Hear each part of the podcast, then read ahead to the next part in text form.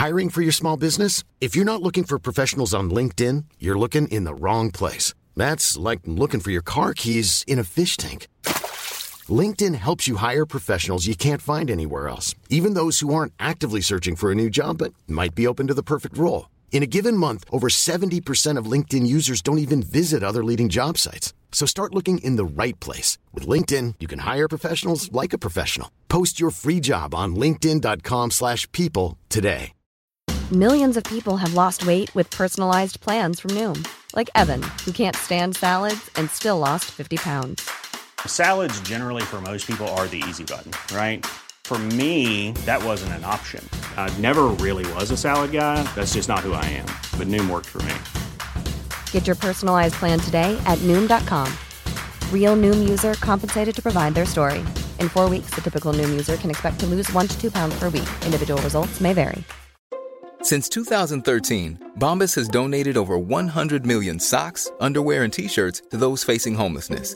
If we counted those on air, this ad would last over 1,157 days. But if we counted the time it takes to make a donation possible, it would take just a few clicks. Because every time you make a purchase, Bombas donates an item to someone who needs it. Go to bombas.com slash ACAST and use code ACAST for 20% off your first purchase. That's bombas.com slash ACAST, code ACAST.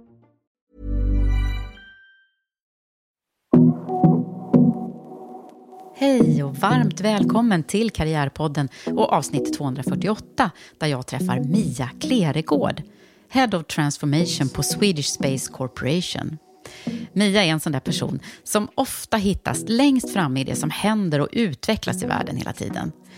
Hon har en gedigen ledarerfarenhet som sträcker sig över flera kontinenter, branscher och företag. Och en resa som spänner allt från starten och många lärorika år i turistnäringen och serviceindustrin. Och vi får följa med på hur hennes nyfikenhet ledde henne till Singularity University, till FN-engagemang, vd-posten på Plantagon, till Tesla och nu mitt i rymdteknologin. Mias mission är att bidra till ett hållbart samhälle där hon fascineras över de stora globala frågorna som AI och rymdteknologi och de gamla strukturerna vi verkar i idag, men framför allt hur vi ska skapa framtidens strukturer. Vårt samtal handlar också en hel del om det inre ledarskapet och upptäcktsfärden att lära känna sig själv och hur de lärdomar som kommit till henne har intensifierats de senaste åren.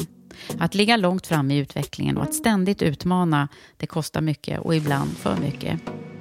I vårt samtal delar Mia med sig några av de mest utmanande situationerna som har skett i hennes liv och hur hon tog sig upp igen och igen.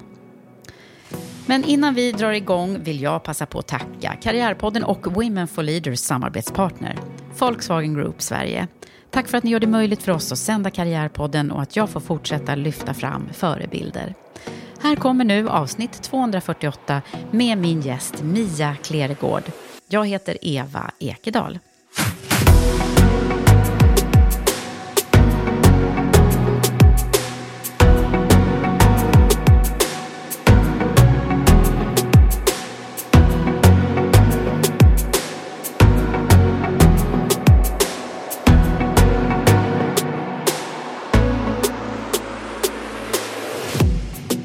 Mia Kleregård, välkommen till Karriärpodden.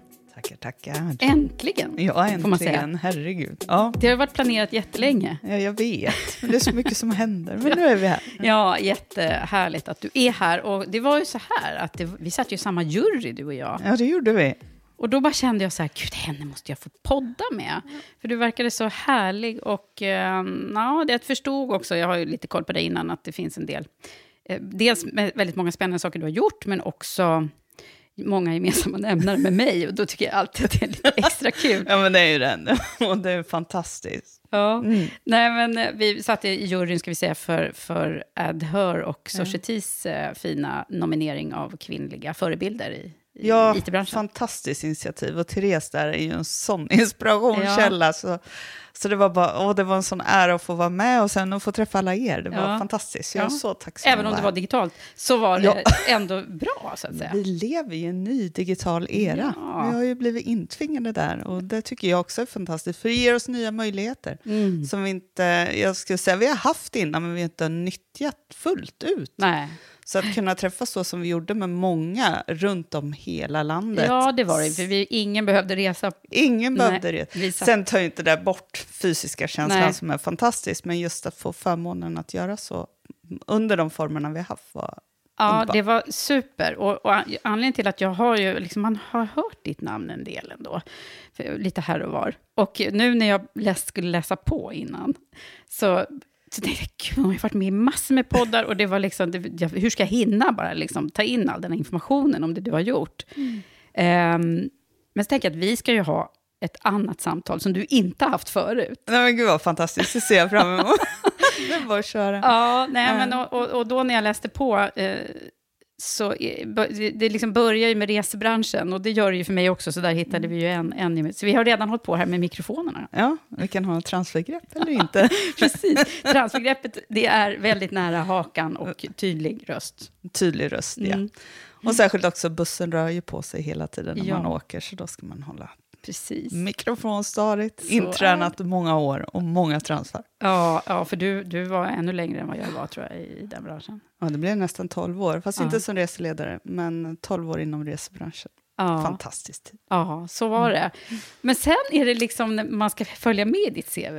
Och Ja. jag som ändå är väldigt van att läsa CV, så hä- hänger man inte riktigt med. Men det finns några grejer som jag tror att jag kunde naila efter att ha liksom Ja, följt med. Vi får se om jag har rätt nu då. ja. Det, det började med liksom leda och människor. yes. Väldigt mycket. Mhm, My core. Ja, och det har du ju kvar då kanske. Mm. Och sen så, så verkar det, hä- förändring verkar också vara ett sånt där, det måste transformation, hända saker. Hända saker, ja. Mm. Och sen verkar det ju vara någon extrem fallenhet för att vara i det, där det händer väldigt mycket nya grejer. Oh. Nyfikenheten, vet du. Ja, det är nyfikenhet. Sen tycker jag om att vara där det händer saker. Ja. Mm. ja, och nu ska vi förstås få följa med på din resa lite grann. Hur ska vi lägga upp det här? Jag har ingen aning. Man bara börjar någonstans. Ja, men jag, jag Ja. tänkte så här nästan, att vi kunde börja i att du själv ska försöka reflektera över hur 17 har det blivit så här? Och hur började det liksom, alltså innan du hamnade där du hamnade? Jag tror att när, man, eh, när jag reflekterar tillbaka över allt som har hänt, och det är ju inte bara i karriären utan i livet i stort, så drivs ju jag av, lite som du sa inledningsvis, jag är ju otroligt nyfiken. Eh, tycker om att vara där det händer, men tycker också om att utmana mig själv och lära nya saker. Mm så, så, så det är det som hela tiden har drivit mig. Så tittar man tillbaka så kan man nog typ ta lite av den röda tråden som du berättade just om. Eh, men jag tror ju också att utmana mig själv har blivit eh, lite som... Jag pratar mycket mod ofta när jag ska prata om varför jag har gjort saker. Och jag började egentligen när jag växte upp var jag ganska blyg. Va? Och, och? Ja, jag brukade tycka om att vara där det hände, men stod gärna lite bak och observerade vad alla andra gjorde. Och var inte den här tjejen som du kanske tänker dig att hon är med i fotbollslaget eller hon är aktiv, sociala sammanhang. Jag älskade att läsa böcker. Mm. Och älskade att vara liksom på mitt flickrum där jag läste böcker och kunde försvinna in i fantasivärldar och skapa min egen verklighet. Eh, och fann mycket trygghet där när jag växte upp. Ehm, och sedan successivt så har jag börjat träna upp mitt mod. För att jag är ju också uppvuxen i en småstad i, i Sverige, lite större idag, men när jag växte upp var den ganska liten. Vart- vart då? Örebro. Örebro. Ja, men, jaha, Ja. Örebro. Örebro, ja. Eh, så att, och när man är eh, i en sån stad så hamnar man ju gärna i ett fack. Och då blir man en person och det är den personen som du är. Och det är väldigt svårt att bryta sig ur det där. Man får en identitet i den samvaro som man befinner sig. Men jag ville egentligen något annat.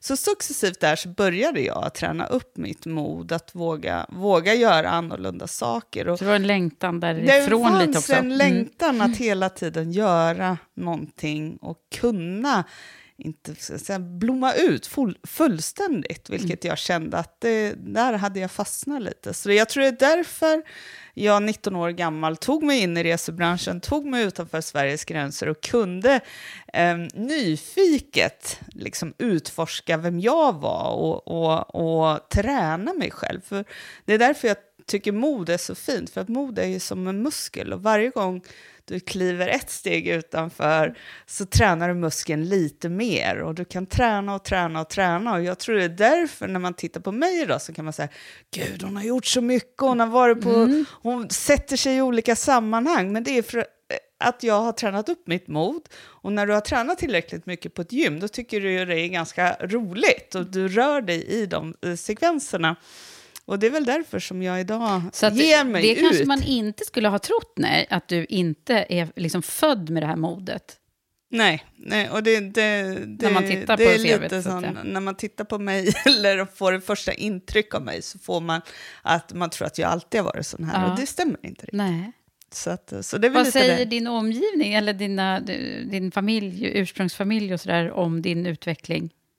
Är de jätteförvånade över det? Nej, jag tror, min, då kan man ju enklast gå till min mamma Mm. och titta och jag tror väl att hon, eh, hon visste att jag alltid någonsin, för jag var så lite blyg fast ändå inte. Nej. Så ju, ju mer äldre jag blir och ju mer så är det ju, det är ju mer och mer saker som händer. Så att, eh, så att eh, hon är inte förvånad, men samtidigt som jag tror att det kunde ha gått nå, åt något annat håll också, om man inte hade tränat upp, eller man, om jag inte hade tränat upp modet som jag har gjort under mina år. Så, så Ha, hade du några förebilder eller så drömmar om vad du skulle bli då när du var liten? Nej, men jag ville ju... Nej, alltså, det är inte så länge sedan jag gick tillbaka och- tittade på så material från skolan.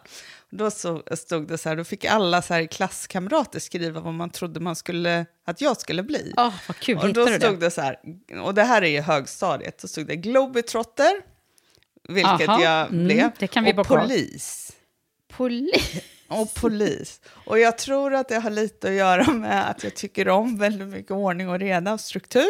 Det gör jag fortfarande än idag, för alla som jobbar med mig vet det. Samtidigt som jag älskar att utforska nya saker. Så att jag tror att någonstans hade mina skolkamrater redan då ganska bra Ganska koll på och vem jag är och hur jag Ja. trivs i vilka miljöer. Så, att, eh, så det blev egentligen en kombination av de bägge. Ja. Ledare idag och reser väldigt mycket. Ja, just det. Och det har du ju verkligen gjort då. Och om vi skulle liksom dyka ner i, i ja, de här alla åren på Apollo då, där var du ju både destinationschef och HR-chef på slutet. Ja.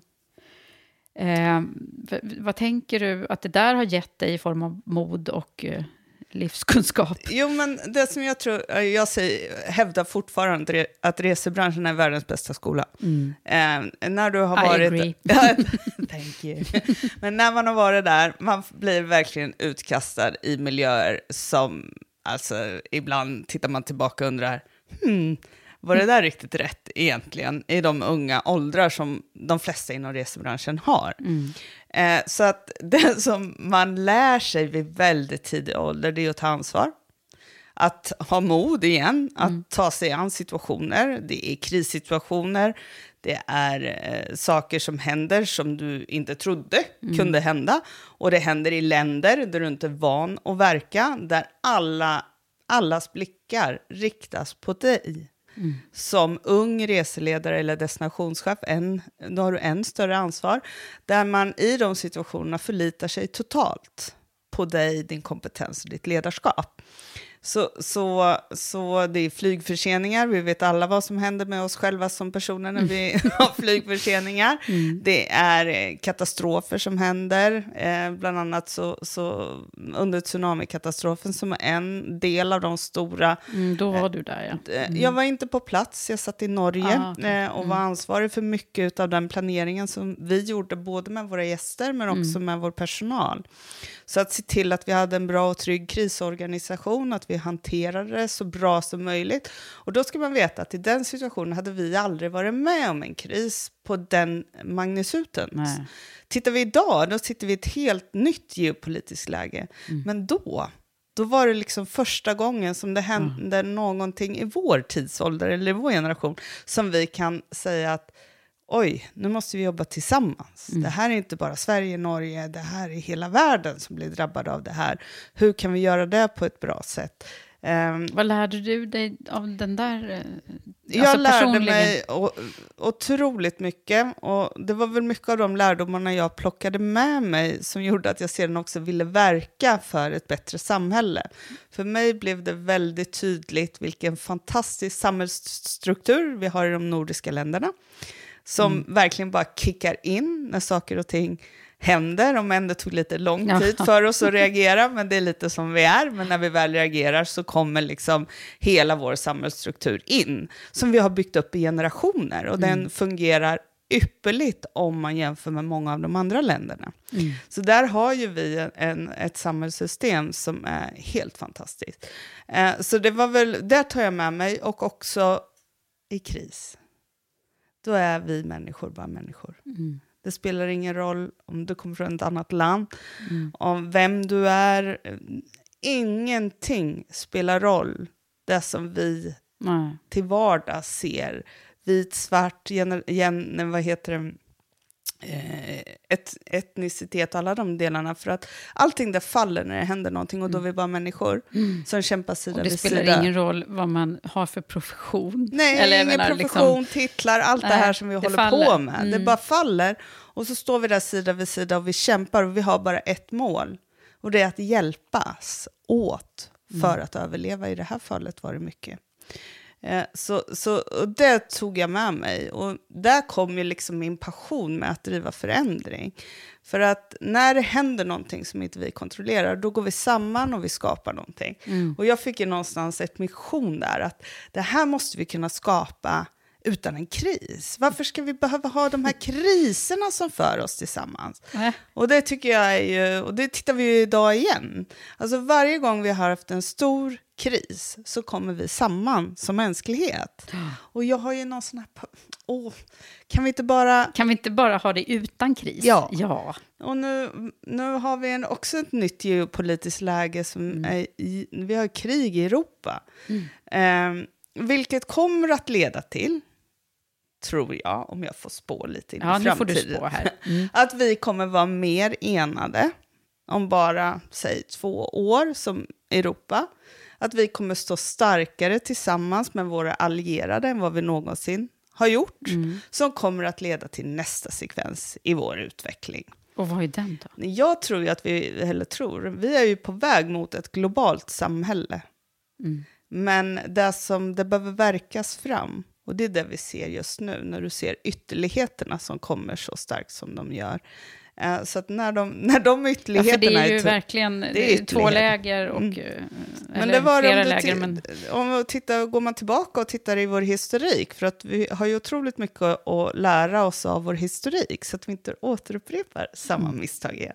Så tittar vi, idag, eh, tittar vi tillbaka vad som hände under första och andra världskriget, så kan vi ju lära oss väldigt mycket av vad, hed, vad hände Mm. med samhället? När kom FN till? Varför kom FN till? Vad var målet med FN?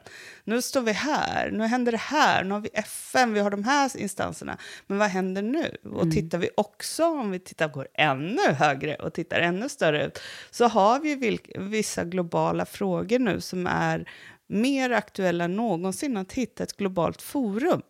För att gränserna suddas ut just nu. Så är det ju. Och, vi- Titta, vi, vi började liksom med ditt första jobb och redan är vi i framtidsscenarion. Men Ja. det tycker jag är ganska härligt. Och det, säger inte det någonting om dig? Du, du liksom har, nej men, jag tänker det här, den här längre perspektivet på, Mm. på din nyfikenhet. Ja. Eh, eh, det, det verkar så när man, när man följer med här i, i ja, dina... de, de, det blir, de små sakerna blir väldigt Ja, stora. Eller men jag ska så inte säga att de är stora, men de blir, jag drar, det blir perspektiv. Ja. Eh, som jag tycker är väldigt spännande att utforska. Eh, och det är, då, det, det är dit man liksom kommer. Och jag eh, inspireras mycket i, den, i, den, eh, i det området. Ja, och där du är nu, och det vill man ju liksom hoppa dit redan nu. Men vi, vi kanske bara ska tangera, liksom, du höll på med förändringsarbete i många år på, på Systembolaget. Mm, stämmer. Eh, och, och, det den, var ju så här, den där är ju från, eh, ganska rolig, för där kom jag ju, då hade jag varit med om tsunamikatastrofen som jag skulle säga den första hållplatsen där jag landade, där jag hade Och var otroligt utarbetad under den tiden där. Eh, fick tid att reflektera och fundera över hur jag levde mitt liv. Bodde i Norge på den tiden, men var gravid med mitt andra barn. Eh, Danny fö- föddes 2005. Så jag fick en liten tid här när jag kunde vara hemma och fundera på hur, hur, var lever jag någonstans? Var är min familj? Det, det, det. Jag hade levt 12 år runt om i världen och haft världens bästa liv. Men he, efter tsunamin så blev det väldigt tydligt för mig, mina värderingar. Också hade ju, William var två, två och ett halvt år och Danny var på väg. Så man har också blivit mamma, vilket gör att det också händer väldigt mycket händer med mycket. så att om du kombinerar de här två i början av mina 30 år här så, så, så skulle jag säga att det är första reflektionen i mitt liv när jag verkligen tittade på var är jag, var vill jag, hur mår jag, vad kan jag göra, hur vill jag bidra i världen? Och då kom jag fram till att jag vill jobba med lite det jag sa inledningsvis, med samhällsstrukturen, att verkligen kunna verka för att bidra till ett bättre samhälle. Så att då flyttade vi ju i samband med att jag var mammaledig hem till Sverige igen. Och, och då hade jag ju fått för mig att det här ska jag göra. Och då var jag inne så röd, då skulle jag bli polis. Alltså, du, ja, då kom polisen för då med tänkte jag att då kan jag verkligen bidra Ja. till ett bättre samhälle. För det hade blivit viktigt för mig. skulle behöva viktigare. lite nya på, på toppen i Polismyndigheten just nu. Så att, eh, Ja, men det, hade blivit kanske inte varit så viktigt för dumt. mig, särskilt efter tsunamin, när jag verkligen hade fått känna på svenska samhället. Jag var så stolt över oss och arbetet vi gjorde och det vi bidrog med. Liksom. Så jag ville ju vara där och hjälpa till. Eh, Men så då, då skulle jag gå, så då hade man kallat så här öppet seminarium på polishuset. Och, och de sökte nya ledare inom polisen. Så det var så här öppet sena- seminarium. Så dit då trippar jag in. Då är jag tre, börjar 31 kanske. Eh, och så sitter alla, det är ju bara poliser. Och så typ några sådana dödliga, vanliga dödliga som mig, eh, lite längre bak i lokalen. Och så börjar de att prata och det är eh, kommissarierna där och de berättar. Och jag bara, gud, det här är bara så... Tänk vilken skillnad vi kan göra. Här ska jag vara. Och så börjar de med tänkte så. sina Ja. slides här, så bara krav. Fyra år i akademisk utbildning och jag bara, sådär, det har inte jag. Nej, för det hade inte du. då. Nej, jag har inte det. Så Nej. jag har haft så mycket att göra i mitt Ja. liv så jag har inte riktigt hunnit med Nej. de där akademiska åren. Nej, det Utan har ju jag- gått väldigt bra ändå kan vi säga. Det, det, och det går ändå. Det gör det. Mm. Och jag, det är väl lite därför jag sitter här idag hos dig också. För jag vill inspirera andra att man behöver inte gå den vanliga vägen eller det som är brukligt. Utan det går alldeles ypperligt och ha väldigt roligt och kunna bidra med massa nytta i samhället utan att ha den vanliga vägen bakom sig. Eller den vanliga, vad är nu vanligt?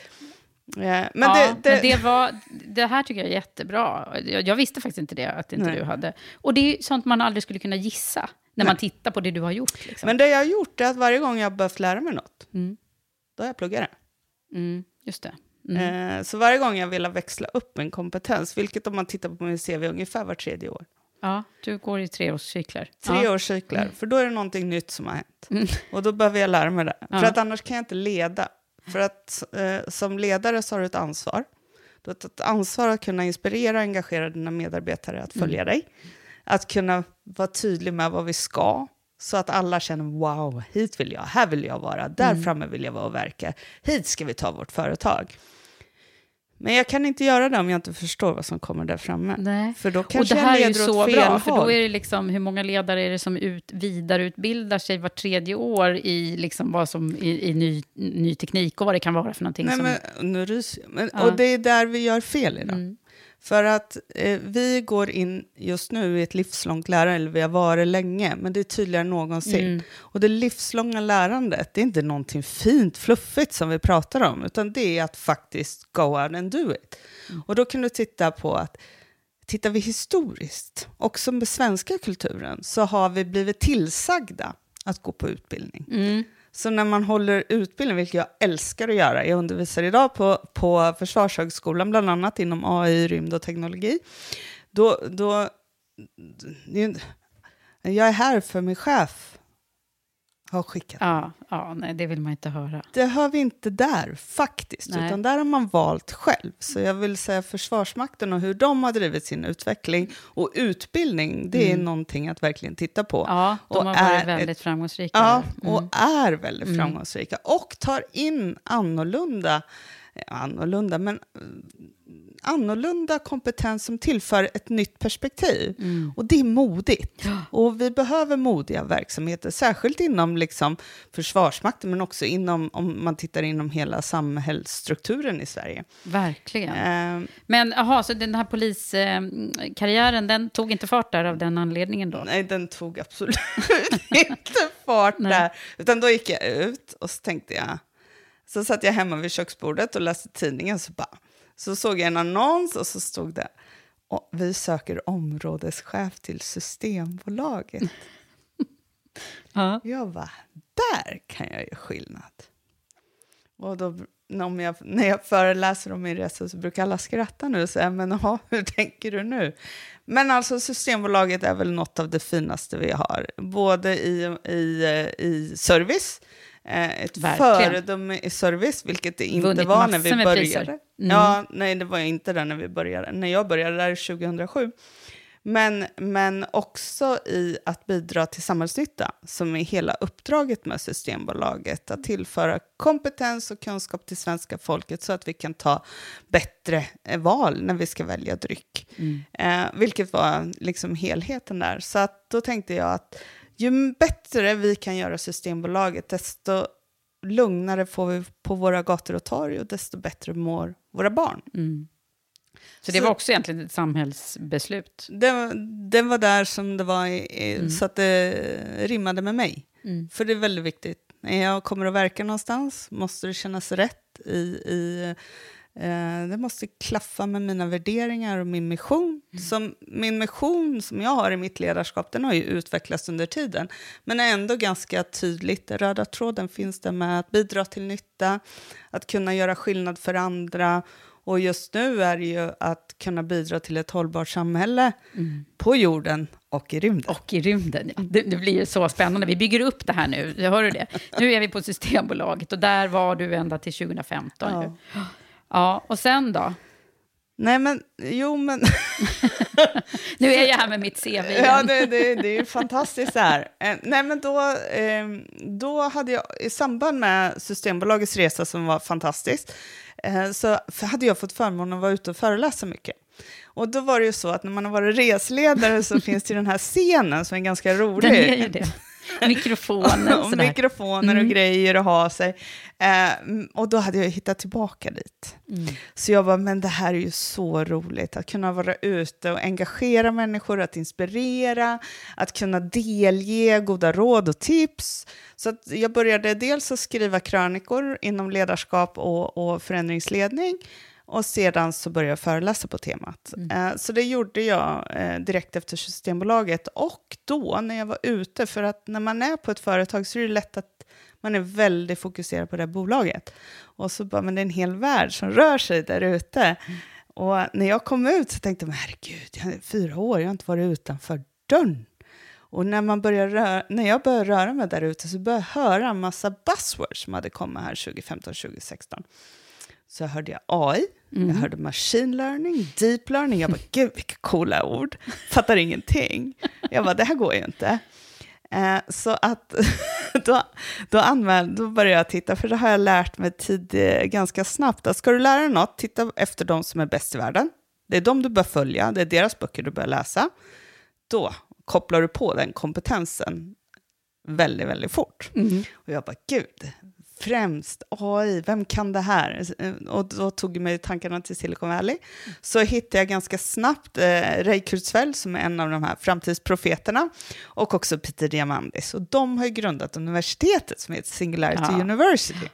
Och jag bara, men så spännande. Nu ska vi då veta att jag är ensamstående med två barn, för jag lyckas skilt med här också. Jaha, mm. Ja, ja. livet som sagt. Livet som också finns vid, vid sidan av allting. Ja. Eh, så att jag kunde inte riktigt resa dit, men då skulle de lansera sin första version som skulle vara online. Så att jag brukar säga att jag beta-versionen på Singularity Jaha, University, för vi okej. var en grupp som var med i början här. Eh, Jag tror jag var äldst i hela klassen eh, och sen hade jag massa sådana här fantastiska ungdomar i hoodies Ja. som tog superhand om mig och jag lärde mig massor. Jag tror de tyckte det var ganska roligt att Men vad också. häftigt, du gjorde det. För jag tänkte direkt på Claudia Olsson. Ja, Hon har ju gått där Ja, också. ja. Men hon har varit där tror jag. Ja, hon men ni har inte där. stött på varandra Nej, där då alltså? Hon var efter mig, jag var innan där. Eh, Men Claudia har mycket att göra med varandra, hon är fantastisk. Ja, men verkligen. Mm.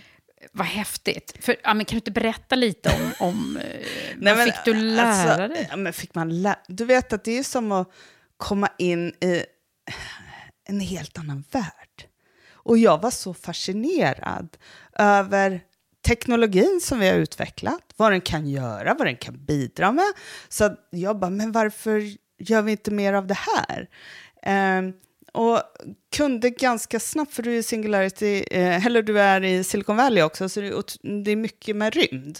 Och det var där första gången jag verkligen förstod att rymdteknologi kan lösa många av de utmaningar som vi har på jorden idag. Och när jag gjorde den kopplingen, då blir det liksom så aha-upplevelse, så bara, men det här måste vi ut och prata om. Det här måste vi ju förstå. Och, och då var jag också involverad i Agenda 2030, det vill säga Ja. våra 17 hållbarhetsmål. Och, eh, I samband med det var jag i, eh, i New York på, när vi lanserade Agenda 2030 på FNs eh, Leadership Summit. Eh, var där med ledarskap och innovation. Ja. Kom ju hem här 2016, för då var jag fysiskt i New York. Men 2016, 2017 och bara, men det, alltså vi har ju alla lösningar. Mm. Vad håller vi på med? Och då blir mm, nu måste vi ju. Göra Så det. då, Mm. då var jag, mm, jobbade mycket med föreläsningar inom AI och då kan man ju fråga sig, men hur kan du göra det? Du är ju ingen ingenjör, absolut inte. Men jag har förstått det på en exekutiv nivå. Mm. Så att jag kan, och när jag är ute och jobbar, jag jobbar mycket med CIOs under den tiden, och det handlar ju inte om att jag ska lära dem deras yrke, det handlar om att jag ska inspirera dem till att ta till sig ny kunskap. Så att jag hade många... Mm. Och sätta det i ett annat sammanhang Sätta då? det i ett annat sammanhang så det kopplar till businessen. Mm. Och För nu det- har vi verkligen sett det hända. Ja, här. och nu händer det ju. Nu Ja. är det ju bara att åka med. Eh, men, men jag sa, nu, och vi är ju, det här är ju fem år sedan, fyra, fem år sedan. Så, Mm. att, eh, så det kände jag att verkligen jag kunde bidra med. Det är Och då var frö. du där igen, när det liksom händer da- det nya. Då är du där. Ja. Sen så kan jag titta tillbaka, men det där var ju då. Ja. Och det kan jag också, så här, Agenda 2030, vilket var ett fantastiskt arbete att och, och kunna vara en, en del av, och det är fortfarande ett fantastiskt arbete. Vi har 194 länder i världen som jobbar med samma 17 mål. Det, Det är är häftigt. helt häf, det är häftigt, det är outstanding, det är helt sjukt att det kunde hända. Sen håller vi ju på att harva med dem där än, eh, vilket det är inte så rätt många mål som har gått i Nej, lås. som och vi säger. ska nå dem till 2030. Eh, och det kommer nya verktyg hela tiden som gör att vi rör oss närmare. Rymdteknologin har en avgörande faktor att bidra med när vi förstår hur vi ska implementera den. Det kommer nu. Men sen vart det ett litet nedslag på eh, elbilarna och Ja. Tesla, där Jag- du var eh, också under en period.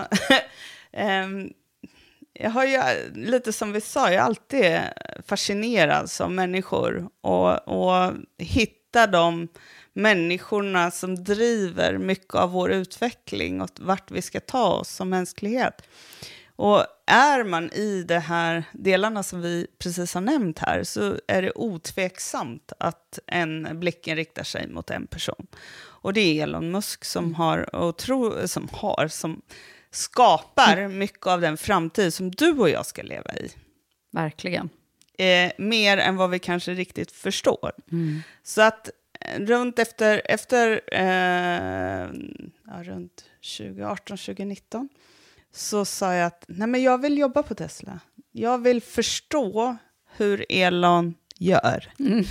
Med den här nyfikenheten och lärandet. Hur driver han företag? Hur får han det att hända? Ehm, och då vill jag ju komma så nära som möjligt. Eh, dels vill jag ju jobba på rym, inom rymdbolaget, eh, så, jag, så jag vill ju till SpaceX, eh, som är hans inom rymden. Går ju inte i och med att jag inte är amerikansk medborgare. Att gifta sig var lite stor uppoffring med en amerikan och på så sätt komma in Men du och var ju skild då, så det hade kunnat Ja, praktiskt... det hade Ja. praktiskt kunnat gå, men Ja. Lite lång startsträcka kanske. så att, eh, så att eh, jag började söka jobb och sökte eh, på Tesla. Och det var ju också ganska omöjligt som kvinna. Och jag är inte ingenjör, som vi har kommit in på innan, utan är ju en ledare. Så rekryterar man mig så får man en ledare till sin organisation. Eh, så Så, hur- så det var tufft, men hur gick det till då? Nej, men jag fick ju skriva ett sånt här fint brev om hur jag är uppväxt som gick till Elon. Elon godkänner alla chefer. Eh, så att eh, lite med min uppväxt då, för min pappa var rallyförare. Så att jag, jag har krypit på ett verkstadsgolv sen jag Mm. Var, det. before I could walk. så det gick lite det är liksom toucha. farten också som... Ja, Du har det i är farten och, och sen så är jag en ganska god storyteller. Så, så till slut så fick jag godkänt och blev anställd och kom in på Tesla och, och jobbade mycket med att bygga upp delar av svenska serviceorganisationen som, som var alltså ett fantastiskt arbete där jag fick nog jobba med alla mina förmågor på en gång. Att skapa resultat med inga förutsättningar. Och då pratar jag om ekonomiska förutsättningar. Jaha, det trodde man annars att det... Nej, men man driver organisationen på ett visst sätt. Så att jag skulle säga, mm, liksom, det är en startup. Och, och jag har varit i startup-scenen förut. Och som startup, då, när du driver startup, då, och jag skulle säga att Tesla är en av världens största startup. Det är väl, då var det 45 000 anställda, nu måste det nästan vara över 50 skulle jag tro. Eh, men det, det är ju en startup, den drivs ju som en startup. Och att driva en startup med så många människor, det är ju ett göra i sig. Ja. Så det är väldigt snabba skift. Och kvartalsekonomi och amerikanskt. Så Ja. att jag Oj. skulle väl Mm. säga att eh, där skapar vi av det vi hade. Eh, så att skapa teamkänsla, att få saker och ting att hända, att rekrytera otroligt mycket människor. Eh, och också under väldigt högt arbetstempo. Vi har pratat om förändring eh, ända sedan vi Mm. Ja. inledde det här samtalet, att jag är förändring. Jag tycker om jag är Ja, förändring. så du, du, Kommer jag in någonstans så blir det ofta en vind av förändring. Mm. Och trivs ju i snabbtakt, men jag brukar säga att Tesla, eh, beat me to it. Herregud vilket förändringstempo, eh, vilken innovationstakt. Jag är amazed. Mm. Och då pratar jag på alla nivåer i företaget. Internt, externt, alla nivåer. Mm. Eh, eh, det var inte många dagar du kom till jobbet som var lik den andra, utan det var alltid någonting nytt. Kunderna har ofta mycket mer information än... än de är liksom mer pålästa än vad... Men vad hände med dig då? då? Nej, men dels så, så, så var jag ju ensam kvinna i, i, eh, eller jag var inte ensam kvinna, var jag absolut inte, men ensam kvinnlig ledare. Eh, vilket är tufft I Sverige då, eller? i Sverige. Det, det är tufft eh, i Europa faktiskt. Eh, och det är tufft. Eh, och det är tufft på många sätt och ibland tror jag det är svårt att förstå hur tufft det är. Eh, för vi, om man får säga så, tänker på ett lite annorlunda sätt. Vi har en annan synvinkel. Vi har, eh, nu behöver inte det säga att det är kvinna, men ofta är ofta är det den individen.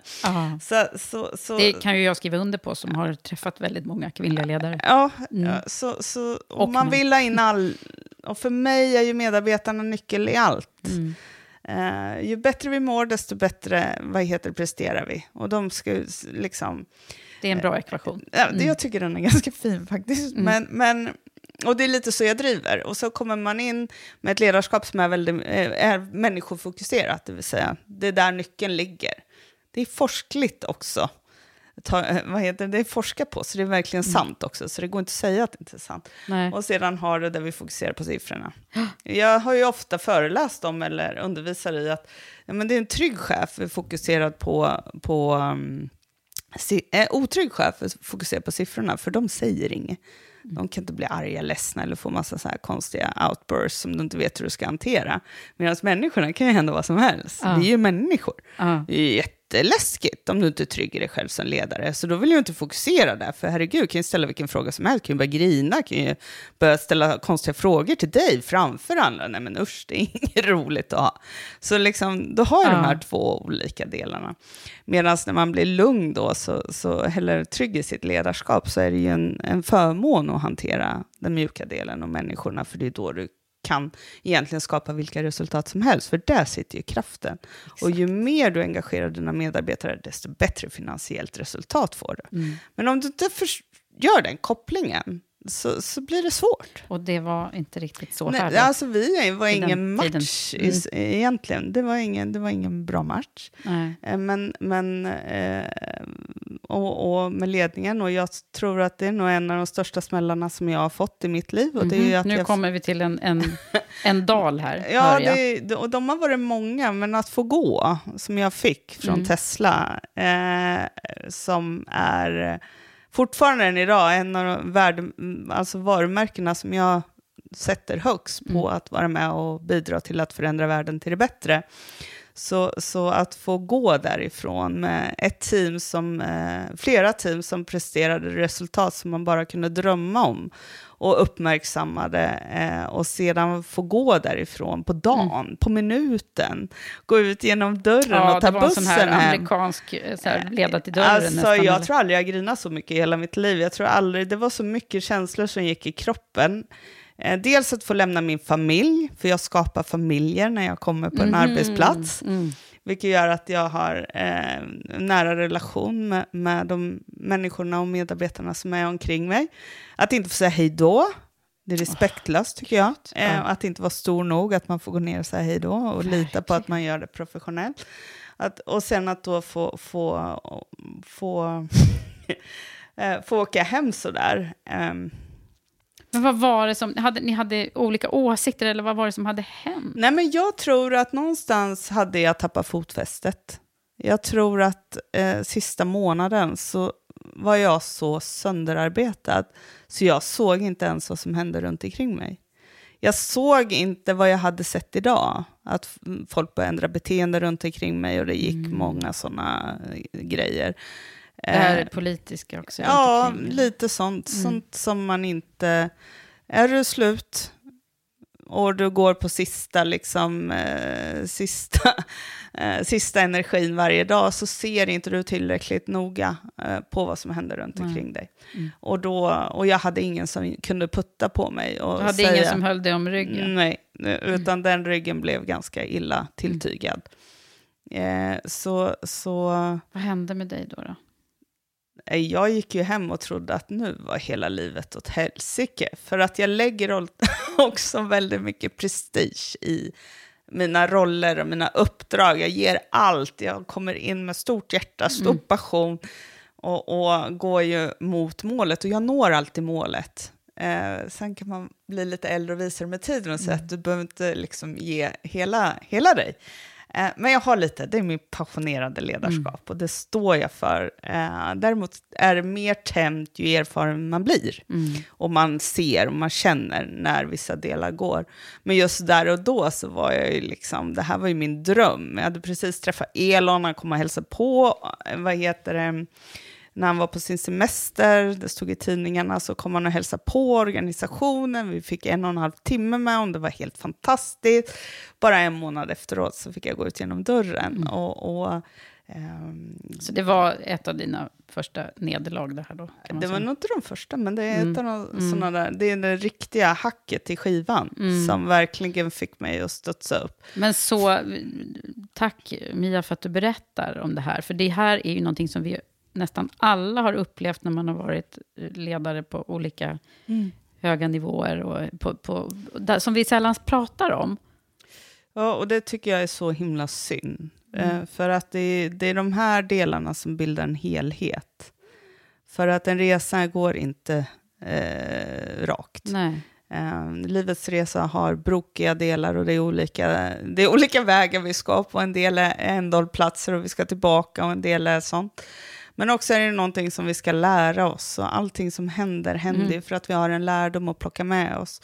Och det som jag lärde mig mycket här, det var ju att dels eh, se till att eh, jag får att jag kunde landa i mig själv efter det här och hur snabbt jag faktiskt också lärde mig att hantera. För när, när det här sker, jag är en ganska framstående person som tar ton, som höjer, upp, som höjer handen och talar om ledarskap och kvinnligt ledarskap och, och mod att våga, mod att säga ifrån. Och så gör jag det själv så tydligt. För vad jag tror på, vilket jag gjorde i organisationen, vilket inte då alltid ses på med goda ton.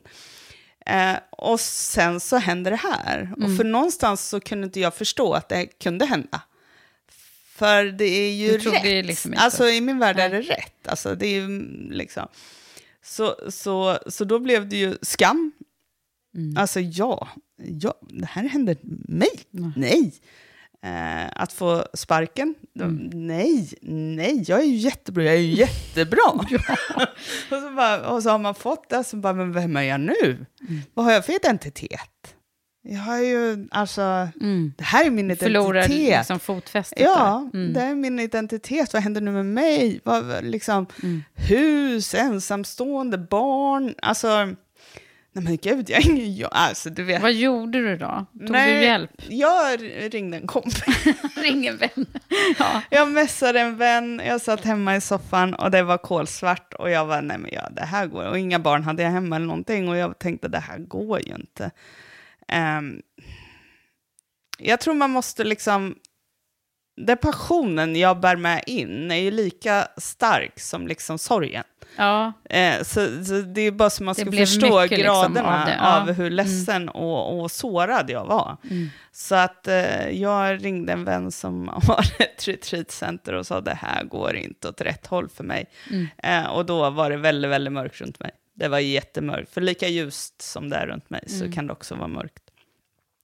Så då sa han, ta en taxi ut till mig. Jag har några schamaner här som du ska umgås med under helgen.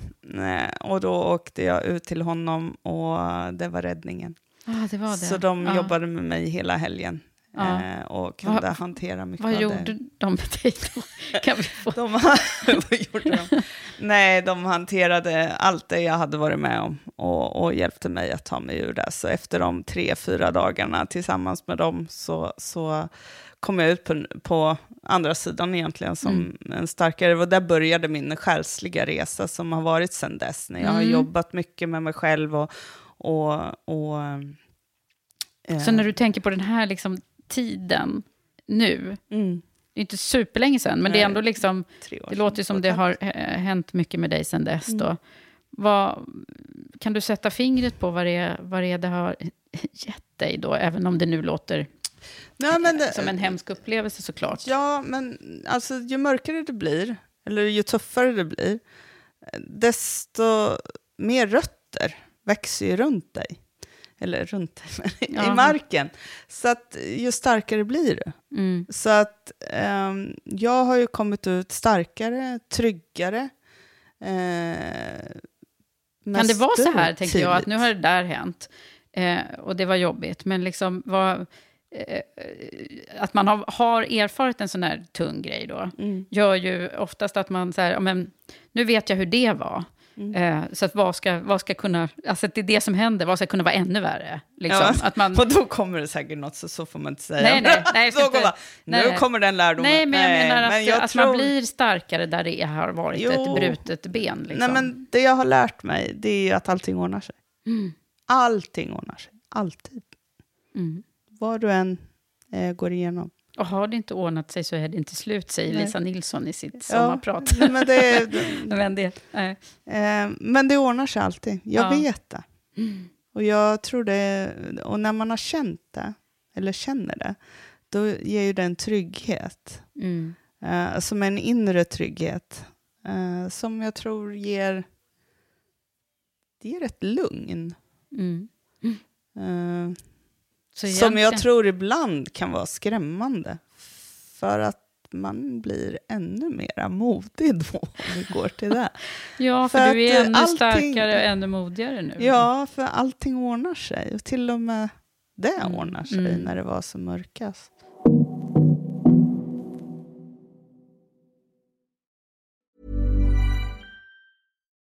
Millions of people have lost weight with personalized plans from Noom, like Evan, who can't stand salads and still lost 50 pounds. Salads, generally, for most people, are the easy button, right? For me, that wasn't an option. I never really was a salad guy. That's just not who I am. But Noom worked for me. Get your personalized plan today at Noom.com. Real Noom user compensated to provide their story. In four weeks, the typical Noom user can expect to lose one to two pounds per week. Individual results may vary. I'm Sandra, and I'm just the professional your small business was looking for. But you didn't hire me because you didn't use LinkedIn jobs. LinkedIn has professionals you can't find anywhere else, including those who aren't actively looking for a new job but might be open to the perfect role, like me. In a given month, over 70% of LinkedIn users don't visit other leading job sites. So if you're not looking on LinkedIn, you'll miss out on great candidates like Sandra. Start hiring professionals like a professional. Post your free job on linkedin.com/people today. Since 2013, Bombas has donated over 100 million socks, underwear, and t-shirts to those facing homelessness. If we counted those on air, this ad would last over 1,157 days. But if we counted the time it takes to make a donation possible, it would take just a few clicks. Because every time you make a purchase, Bombas donates an item to someone who needs it. Go to bombas.com slash ACAST and use code ACAST for 20% off your first purchase. That's bombas.com slash ACAST, code ACAST. Hey, it's Ryan Reynolds, and I'm here with Keith, co star of my upcoming film, If, only in theaters, May 17th. Do you want to tell people the big news? All right, I'll do it. Sign up now and you'll get unlimited for $15 a month in six months of Paramount Plus Essential Plan on us. Mintmobile.com slash switch. Upfront payment of $45 equivalent to $15 per month. Unlimited over 40 gigabytes per month. Face lower speeds. Videos at 480p. Active Mint customers by 531.24 get six months of Paramount Plus Essential Plan. Auto renews after six months. Offer ends May 31st, 2024. Separate Paramount Plus registration required. Terms and conditions apply if rated PG.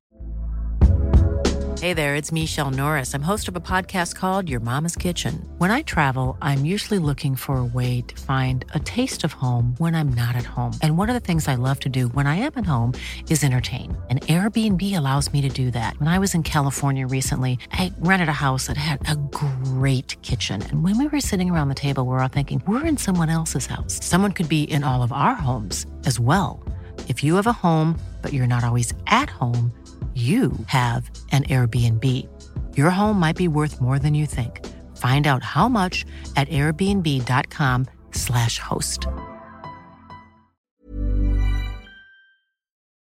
Den här perioden efteråt då, var, även Nej, men du efter shamanernas... Att, alltså, jag har ju en lärdom också, och det är ju att jag ska göra så himla mycket jämt. Och det behöver man ju inte, behöver inte förändra världen på en dag. Mm. Så att under Tesla-tiden tog jag en examen. Det kanske var lite överambitiöst. Mm. Eh, När man tittar i backspegeln är inte helt undra på att jag tappar fotfäste. Nej. Men då pluggade jag på internationella rymduniversitetet i Strasbourg. Såklart. ja. För att ta en eh, exekutiv utbildning inom rymd, för att förstå kopplingen till businessen och affären. Och det var egentligen nästa steg på det jag hade fångat upp där Mm. i, i, i, på Singularity University. Så att den hade ju typ där blivit klar. Eh, och jag bara, men jag ska ju till rymden. Ja, det är ska ju till där rymden. jag ska vara. Ja. Så att då kontaktade jag vdn på Svenska rymdbolaget eh, eh, några veckor efter det här hade hänt och sa att det här är jag, det här kan jag, jag vill jättegärna vara med och bidra på er resa. Och där hade vi ett första samtal som har lett till där vi är idag. Ja, nu är vi där vi är idag. Och det är alltså på Swedish Space Corporation. Va? Som eh, chef över transformations... Transformationsdelen Delen. skulle jag vilja säga, led Ja. Så det är mycket inom ledarskap och kultur såklart, men också många strategiska olika initiativ och frågeställningar som vi har idag för att kunna växla upp. Vi är ett statligt ägt bolag, Mm. 100% statligt ägt, i en värld som, eller ska jag säga en industri som blir mer och mer kommersiell. Eh, också utmanad av min förra chef ganska rejält eh, med, med, med SpaceX och Starlink som gör saker och ting på annorlunda sätt. Mm. Eh, Så det är en, en, en industri i otroligt hög förändringstakt. Mm. Men också där vi, där det generellt har kommit en ny kunskap i och med det geopolitiska läget om vad rymdteknologi kan göra. Just det. Det vill säga satellitbilder, satellitdata, hur vi kan mäta och se från rymden som vi inte kan göra när vi står på jorden. Nej. Så det gör ju att världen har kommit i ett nytt perspektiv med hjälp av rymden just nu. Och ju mer vi kan mäta och se från rymden, desto mer kan vi uppnå våra hållbarhetsmål. För att vi kan ta rätt och faktabaserade beslut. Det, med, med den hjälpen av att vi kan se och mäta från rymden. Det här, du måste ge mig lite tid här nu och ta in Nej, det men här. det är som, som när vi har tittat nu på, när vi sitter och tittar på nyheterna, Mm. så ser vi mycket, eller ja nu är det faktiskt mycket, satellitbilder Ja. från Ukraina-kriget och hur karavanerna går och Ja. hur man liksom, man ser ju det från rymden. Mm. Eh, och det är ju på grund av de satelliterna som vi har som går runt jorden hela tiden. Så de dels tar ju foto och sedan mäter olika mätinstrument. Så man kan mäta havets nivåer, man kan mäta, eh, vad heter det, om vi har till exempel, mm, eh, vad ska man säga, eh, alltså alla miljöpåverkan och avskogning, sånt. Alla Mm. sådana delar ser vi ju exakt från rymden. Mm. Tjuvfiske, man ser ju varandra, plast. Så det är egentligen öarna. liksom, det är ju så övervakningskameror. Som, Ja, som, som är runt oss hela tiden. Så det Mm. går inte att gömma sig längre. Nej. Vi lever och vi kommer leva i en transparent värld. Mm. Men också en helt uppkopplad värld. För det är ju det Starlink bland annat gör, som sätter ut kommunikationssatelliter runt hela jorden. Mm. Och det är ju Elon Musk företag, där de, deras mål är att alla, var än du befinner dig på jorden, ska ha internet. Ah. Och Det höguppkopplat. är så det är. Mhm. Och då kan vi röra oss lite längre fram och så tänka, vad händer med jorden? Ja, När alla människor har uppkoppling och kan kommunicera med varandra. ja, säg mig, vad händer? Ah, Det kommer hända otroligt mycket. Ja, I Wow. utveckling, i företagande. ja, Och det som vi ser idag som är väst... väst västanfläkt. Det är Eh, som när vi, liksom, liksom- är- när vi satt med vanliga telefoner innan Mm. mobilen kom. Typ. Precis så är det. Och det kommer ske i hela världen. Och det är det som vi behöver förbereda oss på. Mm. Apropå de globala frågeställningarna som jag berörde lite innan. Mm. Med att hur, hur, hur kommer det att fungera? Hur ser vårt system för de globala frågorna ut? Vad har vi för beslutsforum? Mm. Eh, det finns ju inte riktigt idag, så att vi har ju ett fundament där vi behöver sätta reglemang på vad det gäller i rymden. Men vi har ju också frågor det gäller AI, som är någonting som Mm. berör alla. Det kan inte säga att det är en svensk fråga eller det är en europeisk fråga, eller, Nej. utan det är en alla-fråga.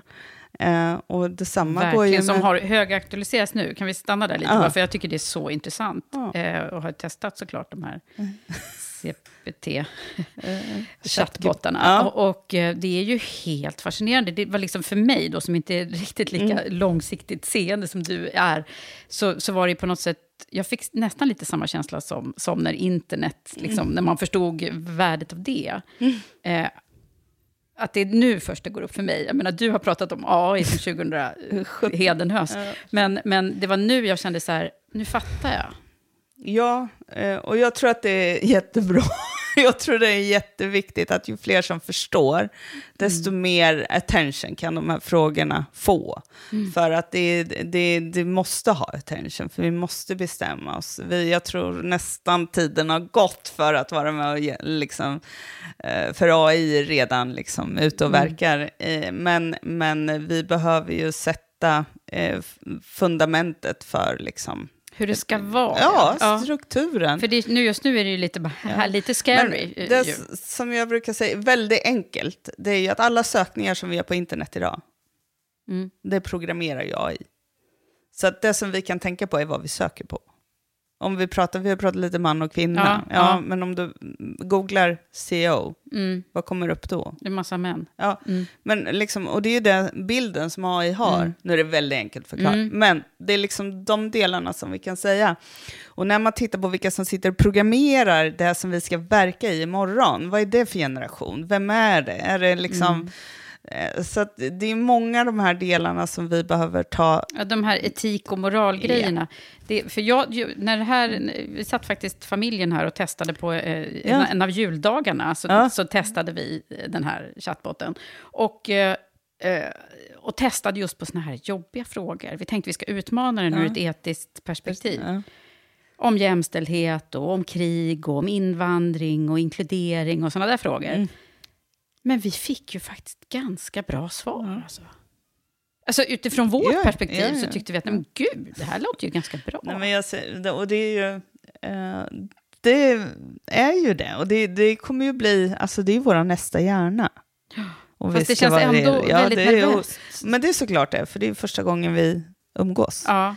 Eh, Men ju mer vi umgås, desto bättre kommer det att bli och desto mer kommer den kunna hjälpa oss. Så det är inte bara ondo, Nej. men vi måste sätta strukturen och fundamentet för hur vi verkar med AI i världen. Mm. Eh, Så att det är den delen som jag är ute efter. Jag tror Elon har pratat om det hur länge som helst, att vi måste sätta ner OpenAI som är eh, Mm. moderföretaget till den du pratar om här, startades ju som en, eh, alltså vad heter det, Mm, profit, non-profit, Ah, Okej, eh, men är idag omgjord. just det. Mm. Eh, och Elon har ju gått ur den, men var ju en av de grundarna till OpenAI, men har ju gått ur den på grund av Av den anledningen? Eller? Nej, han gick ur på grund av att Teslas AI Mm. är så långt fram att eh, det conflict of interest. Aha, de kommer klå de andra.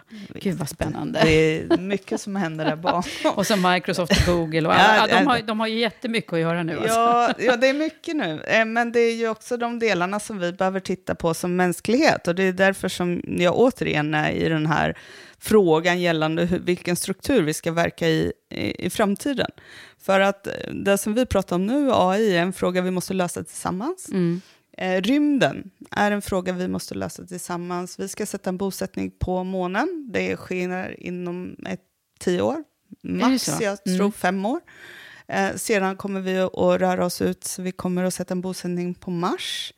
Okej, hur ska strukturerna se ut? Vem äger månen? Vem äger Mars? Är det en nation? Är det en ny kontinent? Alltså, hur ska det här se ut?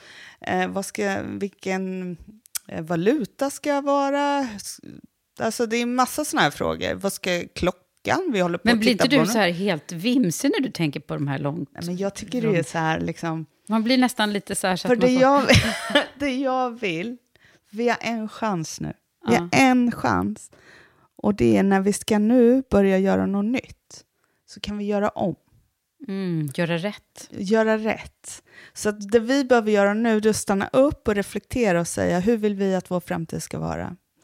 Vad är viktigt för oss utifrån ett hållbart eh, samhälle, jämlikhet, alla de frågorna. Och när jag pratar jämlikhet pratar jag inte bara mellan man och Nej, kvinna, utan jag nej, pratar generellt. över alla Mm. living beings på jorden, all, allt levande. Mm. Hur ska vi ha vårt system som bildar till att respekt och lika? Mm. Och går det? Och går, ja, men det går, för vi har uppfunnit en hjärna som är smartare än oss själva. Mm. Och det är AI. Så när du kopplar ihop de här grejerna så blir det fantastiskt Mm. när det är i rätt syfte. I rätt syfte. Och det är Precis, den delen och det, vi precis, måste och ta det, och det, det finns ett, förstås ett antal problemområden som man behöver ta sig igenom där. Ja, men jag tänker också... Jag har förmånen att vara i många sammanhang nu och prata rymd. Och rymd är ju en av de få ämnena som förenar oss. Vi tycker lika. Ja, det är samma rymd Ja, också. För Men alla vi, har liksom, vi Mm. tycker att vi ska ta hand om den, vi har samma tanke om hur vi ska utvecklas, att det ska vara i fredligt syfte och prata lite om man kan ha rymden som en allmänning och hur skulle det se ut. Och jag sa Är alla, menar du att alla länder... nästan till alla när du pratar om rymd har Sen har vi även, olika även det här landet som vi inte är så förtjusta i just nu. Vi har lite olika tillvägagångssätt, Ja. men, men jag, och sen kan vi inte säga att alla har lika, för det, det kan inte jag uttala mig om. Mm. Men när man på många nivåer så säger jag så här, kan vi inte nyttja rymden att förena oss? Apropå det vi pratade om lite inledningsvis. Vi behöver inte ha en kris som förenar oss. Kan vi inte nyttja rymden och titta på hur ska vi nyttja rymden tillsammans, lika för alla? För det går inte att dela in i landsgränser och sånt, för rymden är oändlig. Ja. Så att liksom, vi måste tänka på något nytt. Eh, så, Ja. så kan vi inte nyttja det till att förena oss som mänsklighet. Och vi bor i ett globalt samhälle. Vi är jordbor. Det blir vår identitet, inte svensk. Mm. Nej. Vi är jordbo. Sen kanske jag har åkt till månen Ja, eller Mars vet, då. Det kanske är så där det blir. Alltså. Men De du som möter, det. du är ju i EU och, och all massa FN och grejer. Alltså, Vad säger de andra? Förstår de det här som du nu? Nej, men eh, alltså, det, det, det här börjar vi prata om nu. Och det tycker jag är fantastiskt. På många sammanhang så är det de här existentiella frågorna som, mm, som kommer till oss. Och det vore väl fantastiskt om vi skulle kunna ställa det här till rätta i den generationen vi är. Utan att bli liksom den som förgör, förgjorde alltihopa. Utan att vi, vi börjar komma. Och den medvetenheten, den märker jag kommer på många, många delar. Vi har ju ett uppvaknande också. Vi, så om vi tittar, förändring börjar med oss själva. Jag kan ju säga till dig att förändra dig, men det kommer inte du att göra förrän du vill det.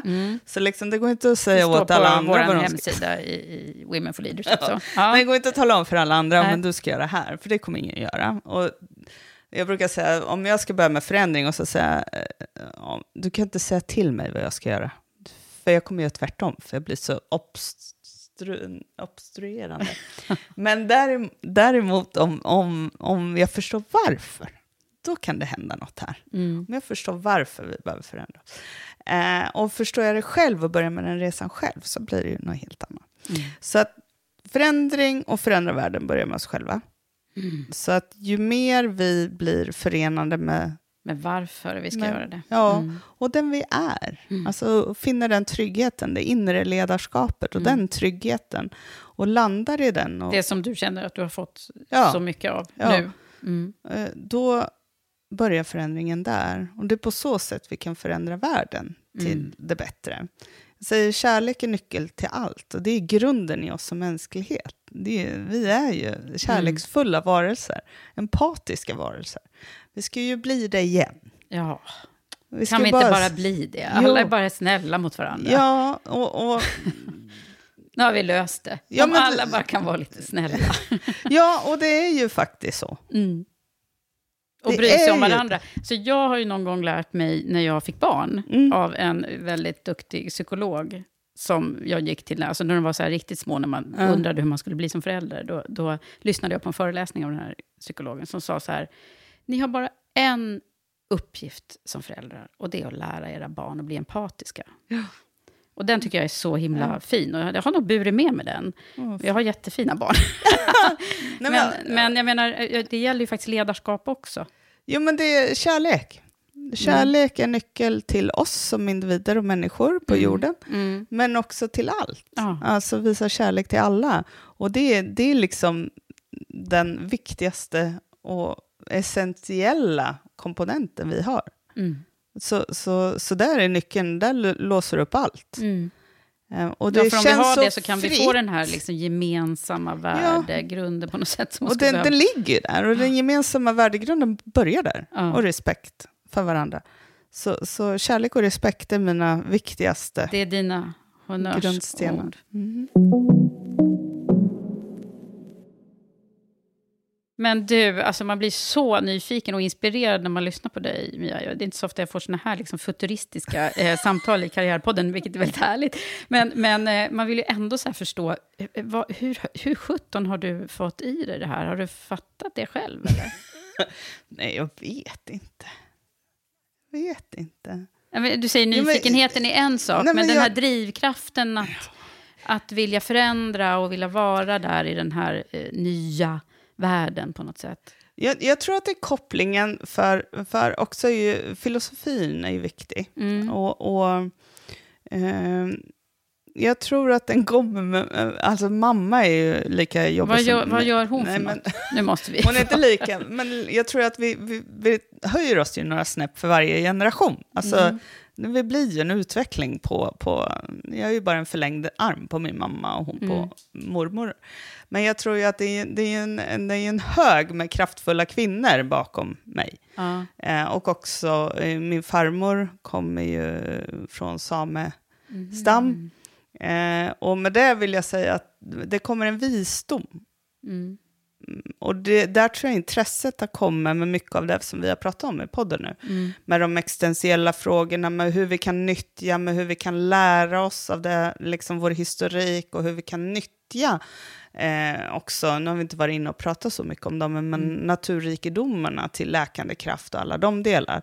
Så, så, så det, det liksom kommer bakifrån mig. Ja. så det, det kommer, och det, det, det, eh, det är en del damer där som har berett har- väg för Ja. mig. Du har fått med dig det i, i moders... Ja, jag har det. Och sen så har jag lagt till några mm, egna sådana delar med det som har blivit mig. Ja, och Så- erfarenheterna som du har fått Ja. förstås längs livet. Men, men jag tänker på, hade ni sådana här filosofiska diskussioner hemma vid, när du var liten, vid matbordet? Nej, Nej. inte alls. Men eh, det är mina böcker tror jag. Det var böckernas värld där. Mm. Böckerna har, nog, eh, har nog lagt en väldigt god grund. Mm. Så, så, och jag läser väldigt Mm. mycket. Mm. Ehm, så så, så min är ett- bokhylla hemma brukar jag säga, tittar man på den då är det lite mig. Ehm, det är lite brokigt, men det är otroligt mycket. För jag läser, jag har alltid gillat att läsa. Mm. Ehm, så det är där jag finner min kunskap Mm. och min kompetens är baserad i böcker, alltså från läsandet.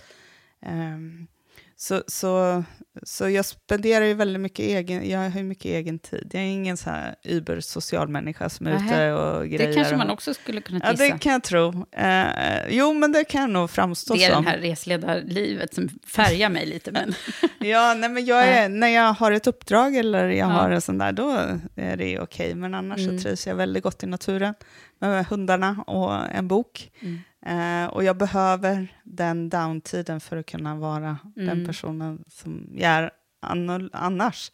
Det är balansen där med tror jag. mm, Så- det, där, så. det där är i och för sig, jag är likadan, att det är Mm. liksom den där egna, jag är så här jätteextrovert, men å andra sidan introvert, när jag, Ja, jag vet. liksom Jag egen tid när jag måste Jag få sa det själv. till en, vän, en väninna en gång som skulle förstå mig. Och jag sa jag är lika introvert som jag är Mm. extrovert. Så jag måste få vara introvert, vilket gör att jag är inte i behov av sociala sammanhang ibland. Nej. Överhuvudtaget. Utan då är det viktigare för mig att bara få vara Mm. med mig själv eller mina barn som är något annat. Det där är ganska intressant, eh, för att jag menar de som är mer åt det liksom, kanske mittemellanskiktet här, eller som är liksom mer åt det introverta, de har ju egentligen mer behov av de sociala sammanhangen än vad du och jag kanske har. Ja, jag tror det. Eh. Man, för man tar det man får, men sen... eh, Sen liksom- måste man liksom stänga Ja. av och så vara med sig själv. så, så, men det kan, tror jag, jag tror också det kommer med trygghet. Mm. För att jag känner att jag behöver inte vara med överallt. Vilket lite historiskt var jag väldigt synlig och var med på Mm. väldigt många sammanhang. Medan nu jag mer väljer, eh, när jag känner att jag kan bidra. Ehm, när jag kan ge tillbaka av allt det jag har varit med Mm. om och mina tankar och funderingar och min kunskap. Då tycker jag att jag gör skillnad och det är viktigt för mig. Mm. Då har man mitt fulla fokus. Där sa du ett, ett till väldigt viktigt ord. När jag känner att jag kan bidra. Mm. Det där, Mm. det tror jag också kommer Ja. kanske lite senare Nej, för- med för- åren. Ja, nej men jag vill bidra Mm. och göra skillnad för andra. Jag vill kunna inspirera. Jag vill vara den genuina, den autentiska som säger som det är. Så det inte blir något annat eh, hokus pokus. Och i alla de delarna som vi delger så är det ju min upplevelse. Det är inte sagt att det är rätt eller fel. Nej. Utan det är ju min upplevelse genom mitt liv. Mm. Eh, och, och den sitter, har jag ju med mig och har lärt mig otroligt mycket av i de olika delarna och olika situationer som uppstår i livet. Så att, Mm. Eh, jag tror att det är viktigt också att ta i paritet. Att, Ja, men för verkligen. jag, kan aldrig, du, jag skulle ju aldrig kunna säga att du har fel om du säger att det här är min upplevelse. Jag måste respektera din upplevelse Mm. och ta till mig av den och bemöta den. Men det är din upplevelse och det tror jag är viktigt att vi förstår. För då Mm. behöver vi heller inte peka finger. För Nej, vi är här tillsammans för att uppleva. då blir man så där kärleksfull istället. Ja, det mycket roligare. Ah, så fint. Vi ska prata lite om ledarskap här Ja. också. Eh, Det har vi ju redan gjort. Men eh, du ska få en specifik fråga Mhm. eh, av min samarbetspartner. Ja. Som ju är Volkswagen Group Sverige. Ja. som också gör väldigt många bra i elbilar. Ja, det gör de faktiskt. Inte lika coola, men nästan. Och de jobbar ju också mycket med hållbarhetsfrågan, Mm. såklart. Det måste ju alla i bilbranschen göra nu. Men de skickar med en fråga till alla mina gäster som Mm. handlar om hållbart ledarskap. Och då är vi intresserade av att höra, vad ser du som hållbart ledarskap och vad är det viktigaste en ledare behöver göra? Och då vill vi ha det kopplat till, till dig, liksom, Mm. jag. Det är så lätt nämligen att få så här jättestora svar på den här. Nej, men jag, jag, hållbart ledarskap för mig är när du har landat i dig. Det vill säga att jag har landat i mig. Mm. För då får jag ett hållbart ledarskap. Ett hållbart ledarskap kan sätta gränser. Man sätter gränser när man känner. Jag tränar på det fortfarande. Att kunna sätta gränser eh, för mig själv och mitt eget välmående. För om inte jag mår bra, då kan inte jag leda bra. Och om jag inte mår bra så är jag inte en god förebild för dem jag leder. Så för mig är det liksom the core essence. Mm. Se Sen- till att må bra Se själv. till helt att må bra själv, så att du kan vara, vara genuin och ärlig. Mm. För att då skapar vi en sån miljö och då mår vi bra. För att om jag vågar säga att jag är ledsen eller att jag har gjort fel eller att det här blev ju inte som jag hade tänkt mig, jag hade tänkt mig det här. Men om jag vågar ha- det språket med mina medarbetare, då kommer de att våga ha det med mig. Mm, mm. Vilket gör att vi då får en mer, eh, en mer harmonisk arbetsmiljö. Och i harmoniska och trygga arbetsmiljöer utvecklas vi. Vi vågar. Vi vågar gå den extra milen, vi vågar göra det extra. Men om du inte har den tryggheten i din arbetsmiljö så kommer du inte att skapa de där resultaten som du drömmer om. För att dina medarbetare vågar inte göra allt som de faktiskt kan. Så att för mig är det ett hållbart ledarskap. Det börjar med dig.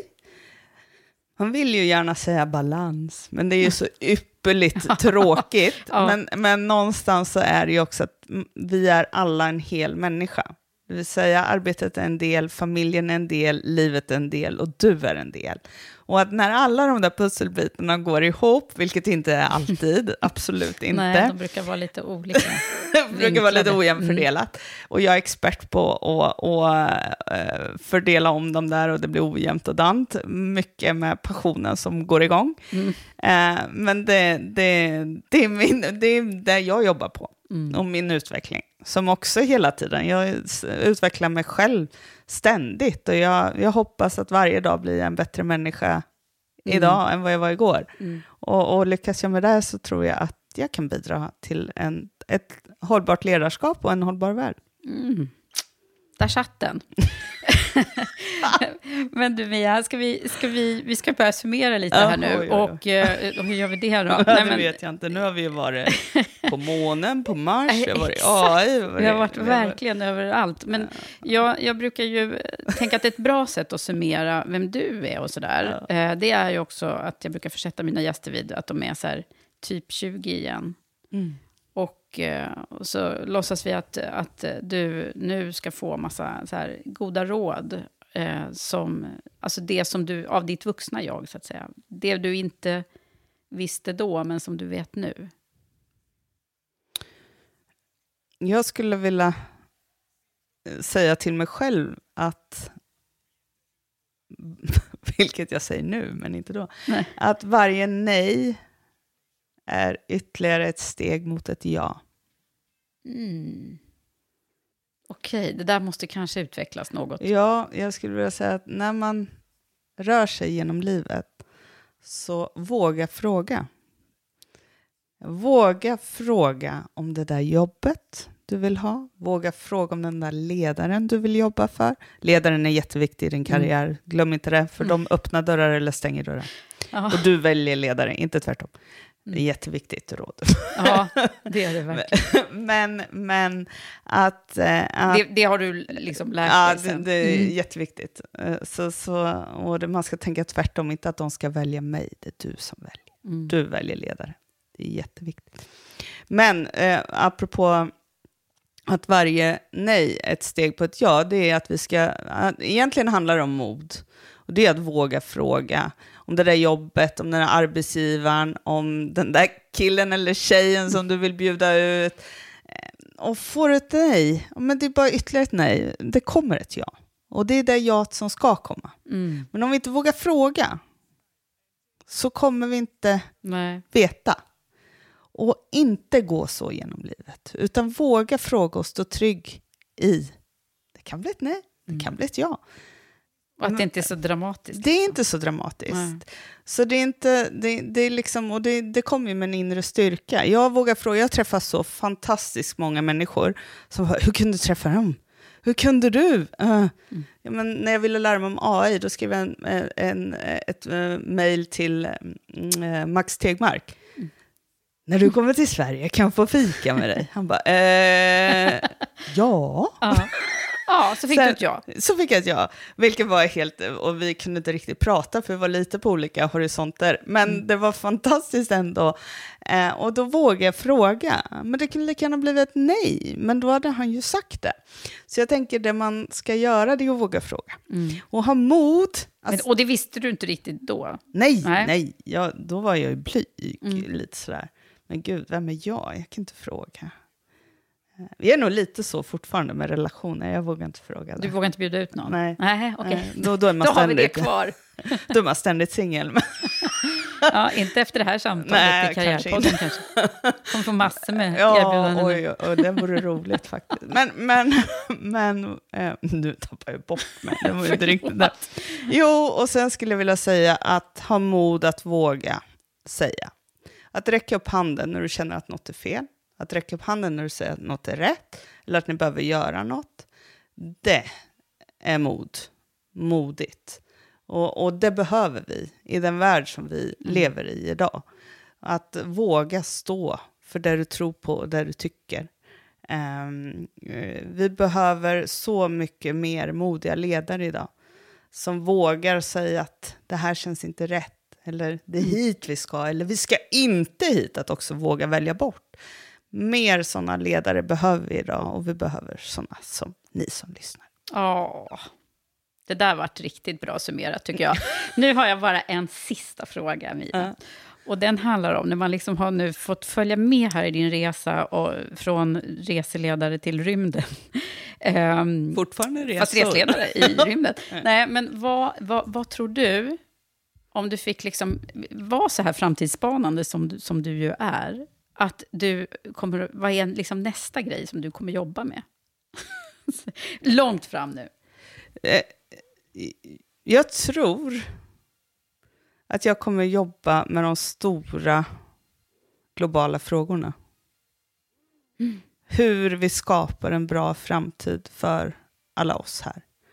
Ehm, på jorden och i rymden. Mm. Ehm, det tror jag att jag kommer jobba med i framtiden. Eh, jag vet Kom inte ihåg hur. vad ni hörde det först.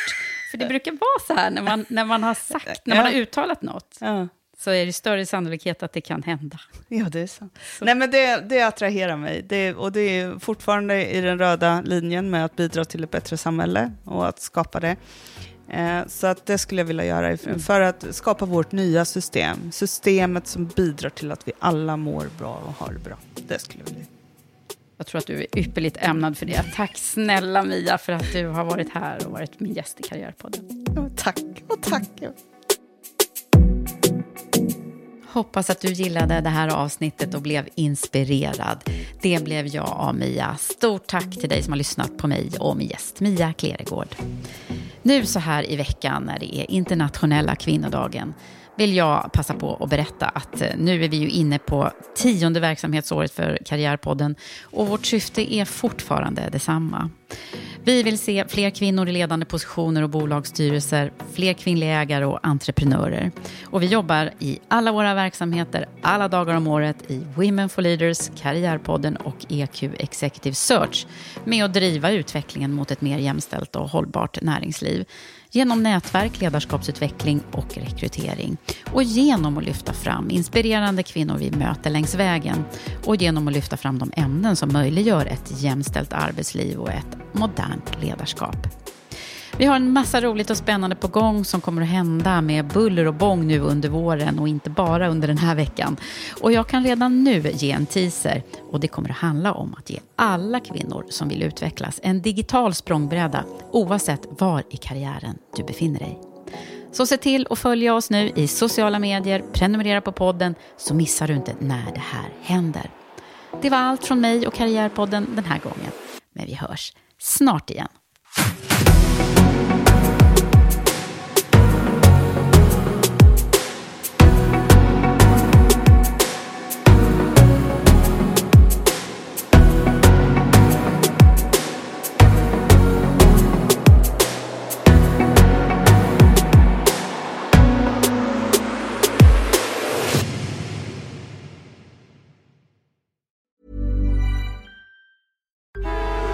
Traffic jams, tailgating, pileups.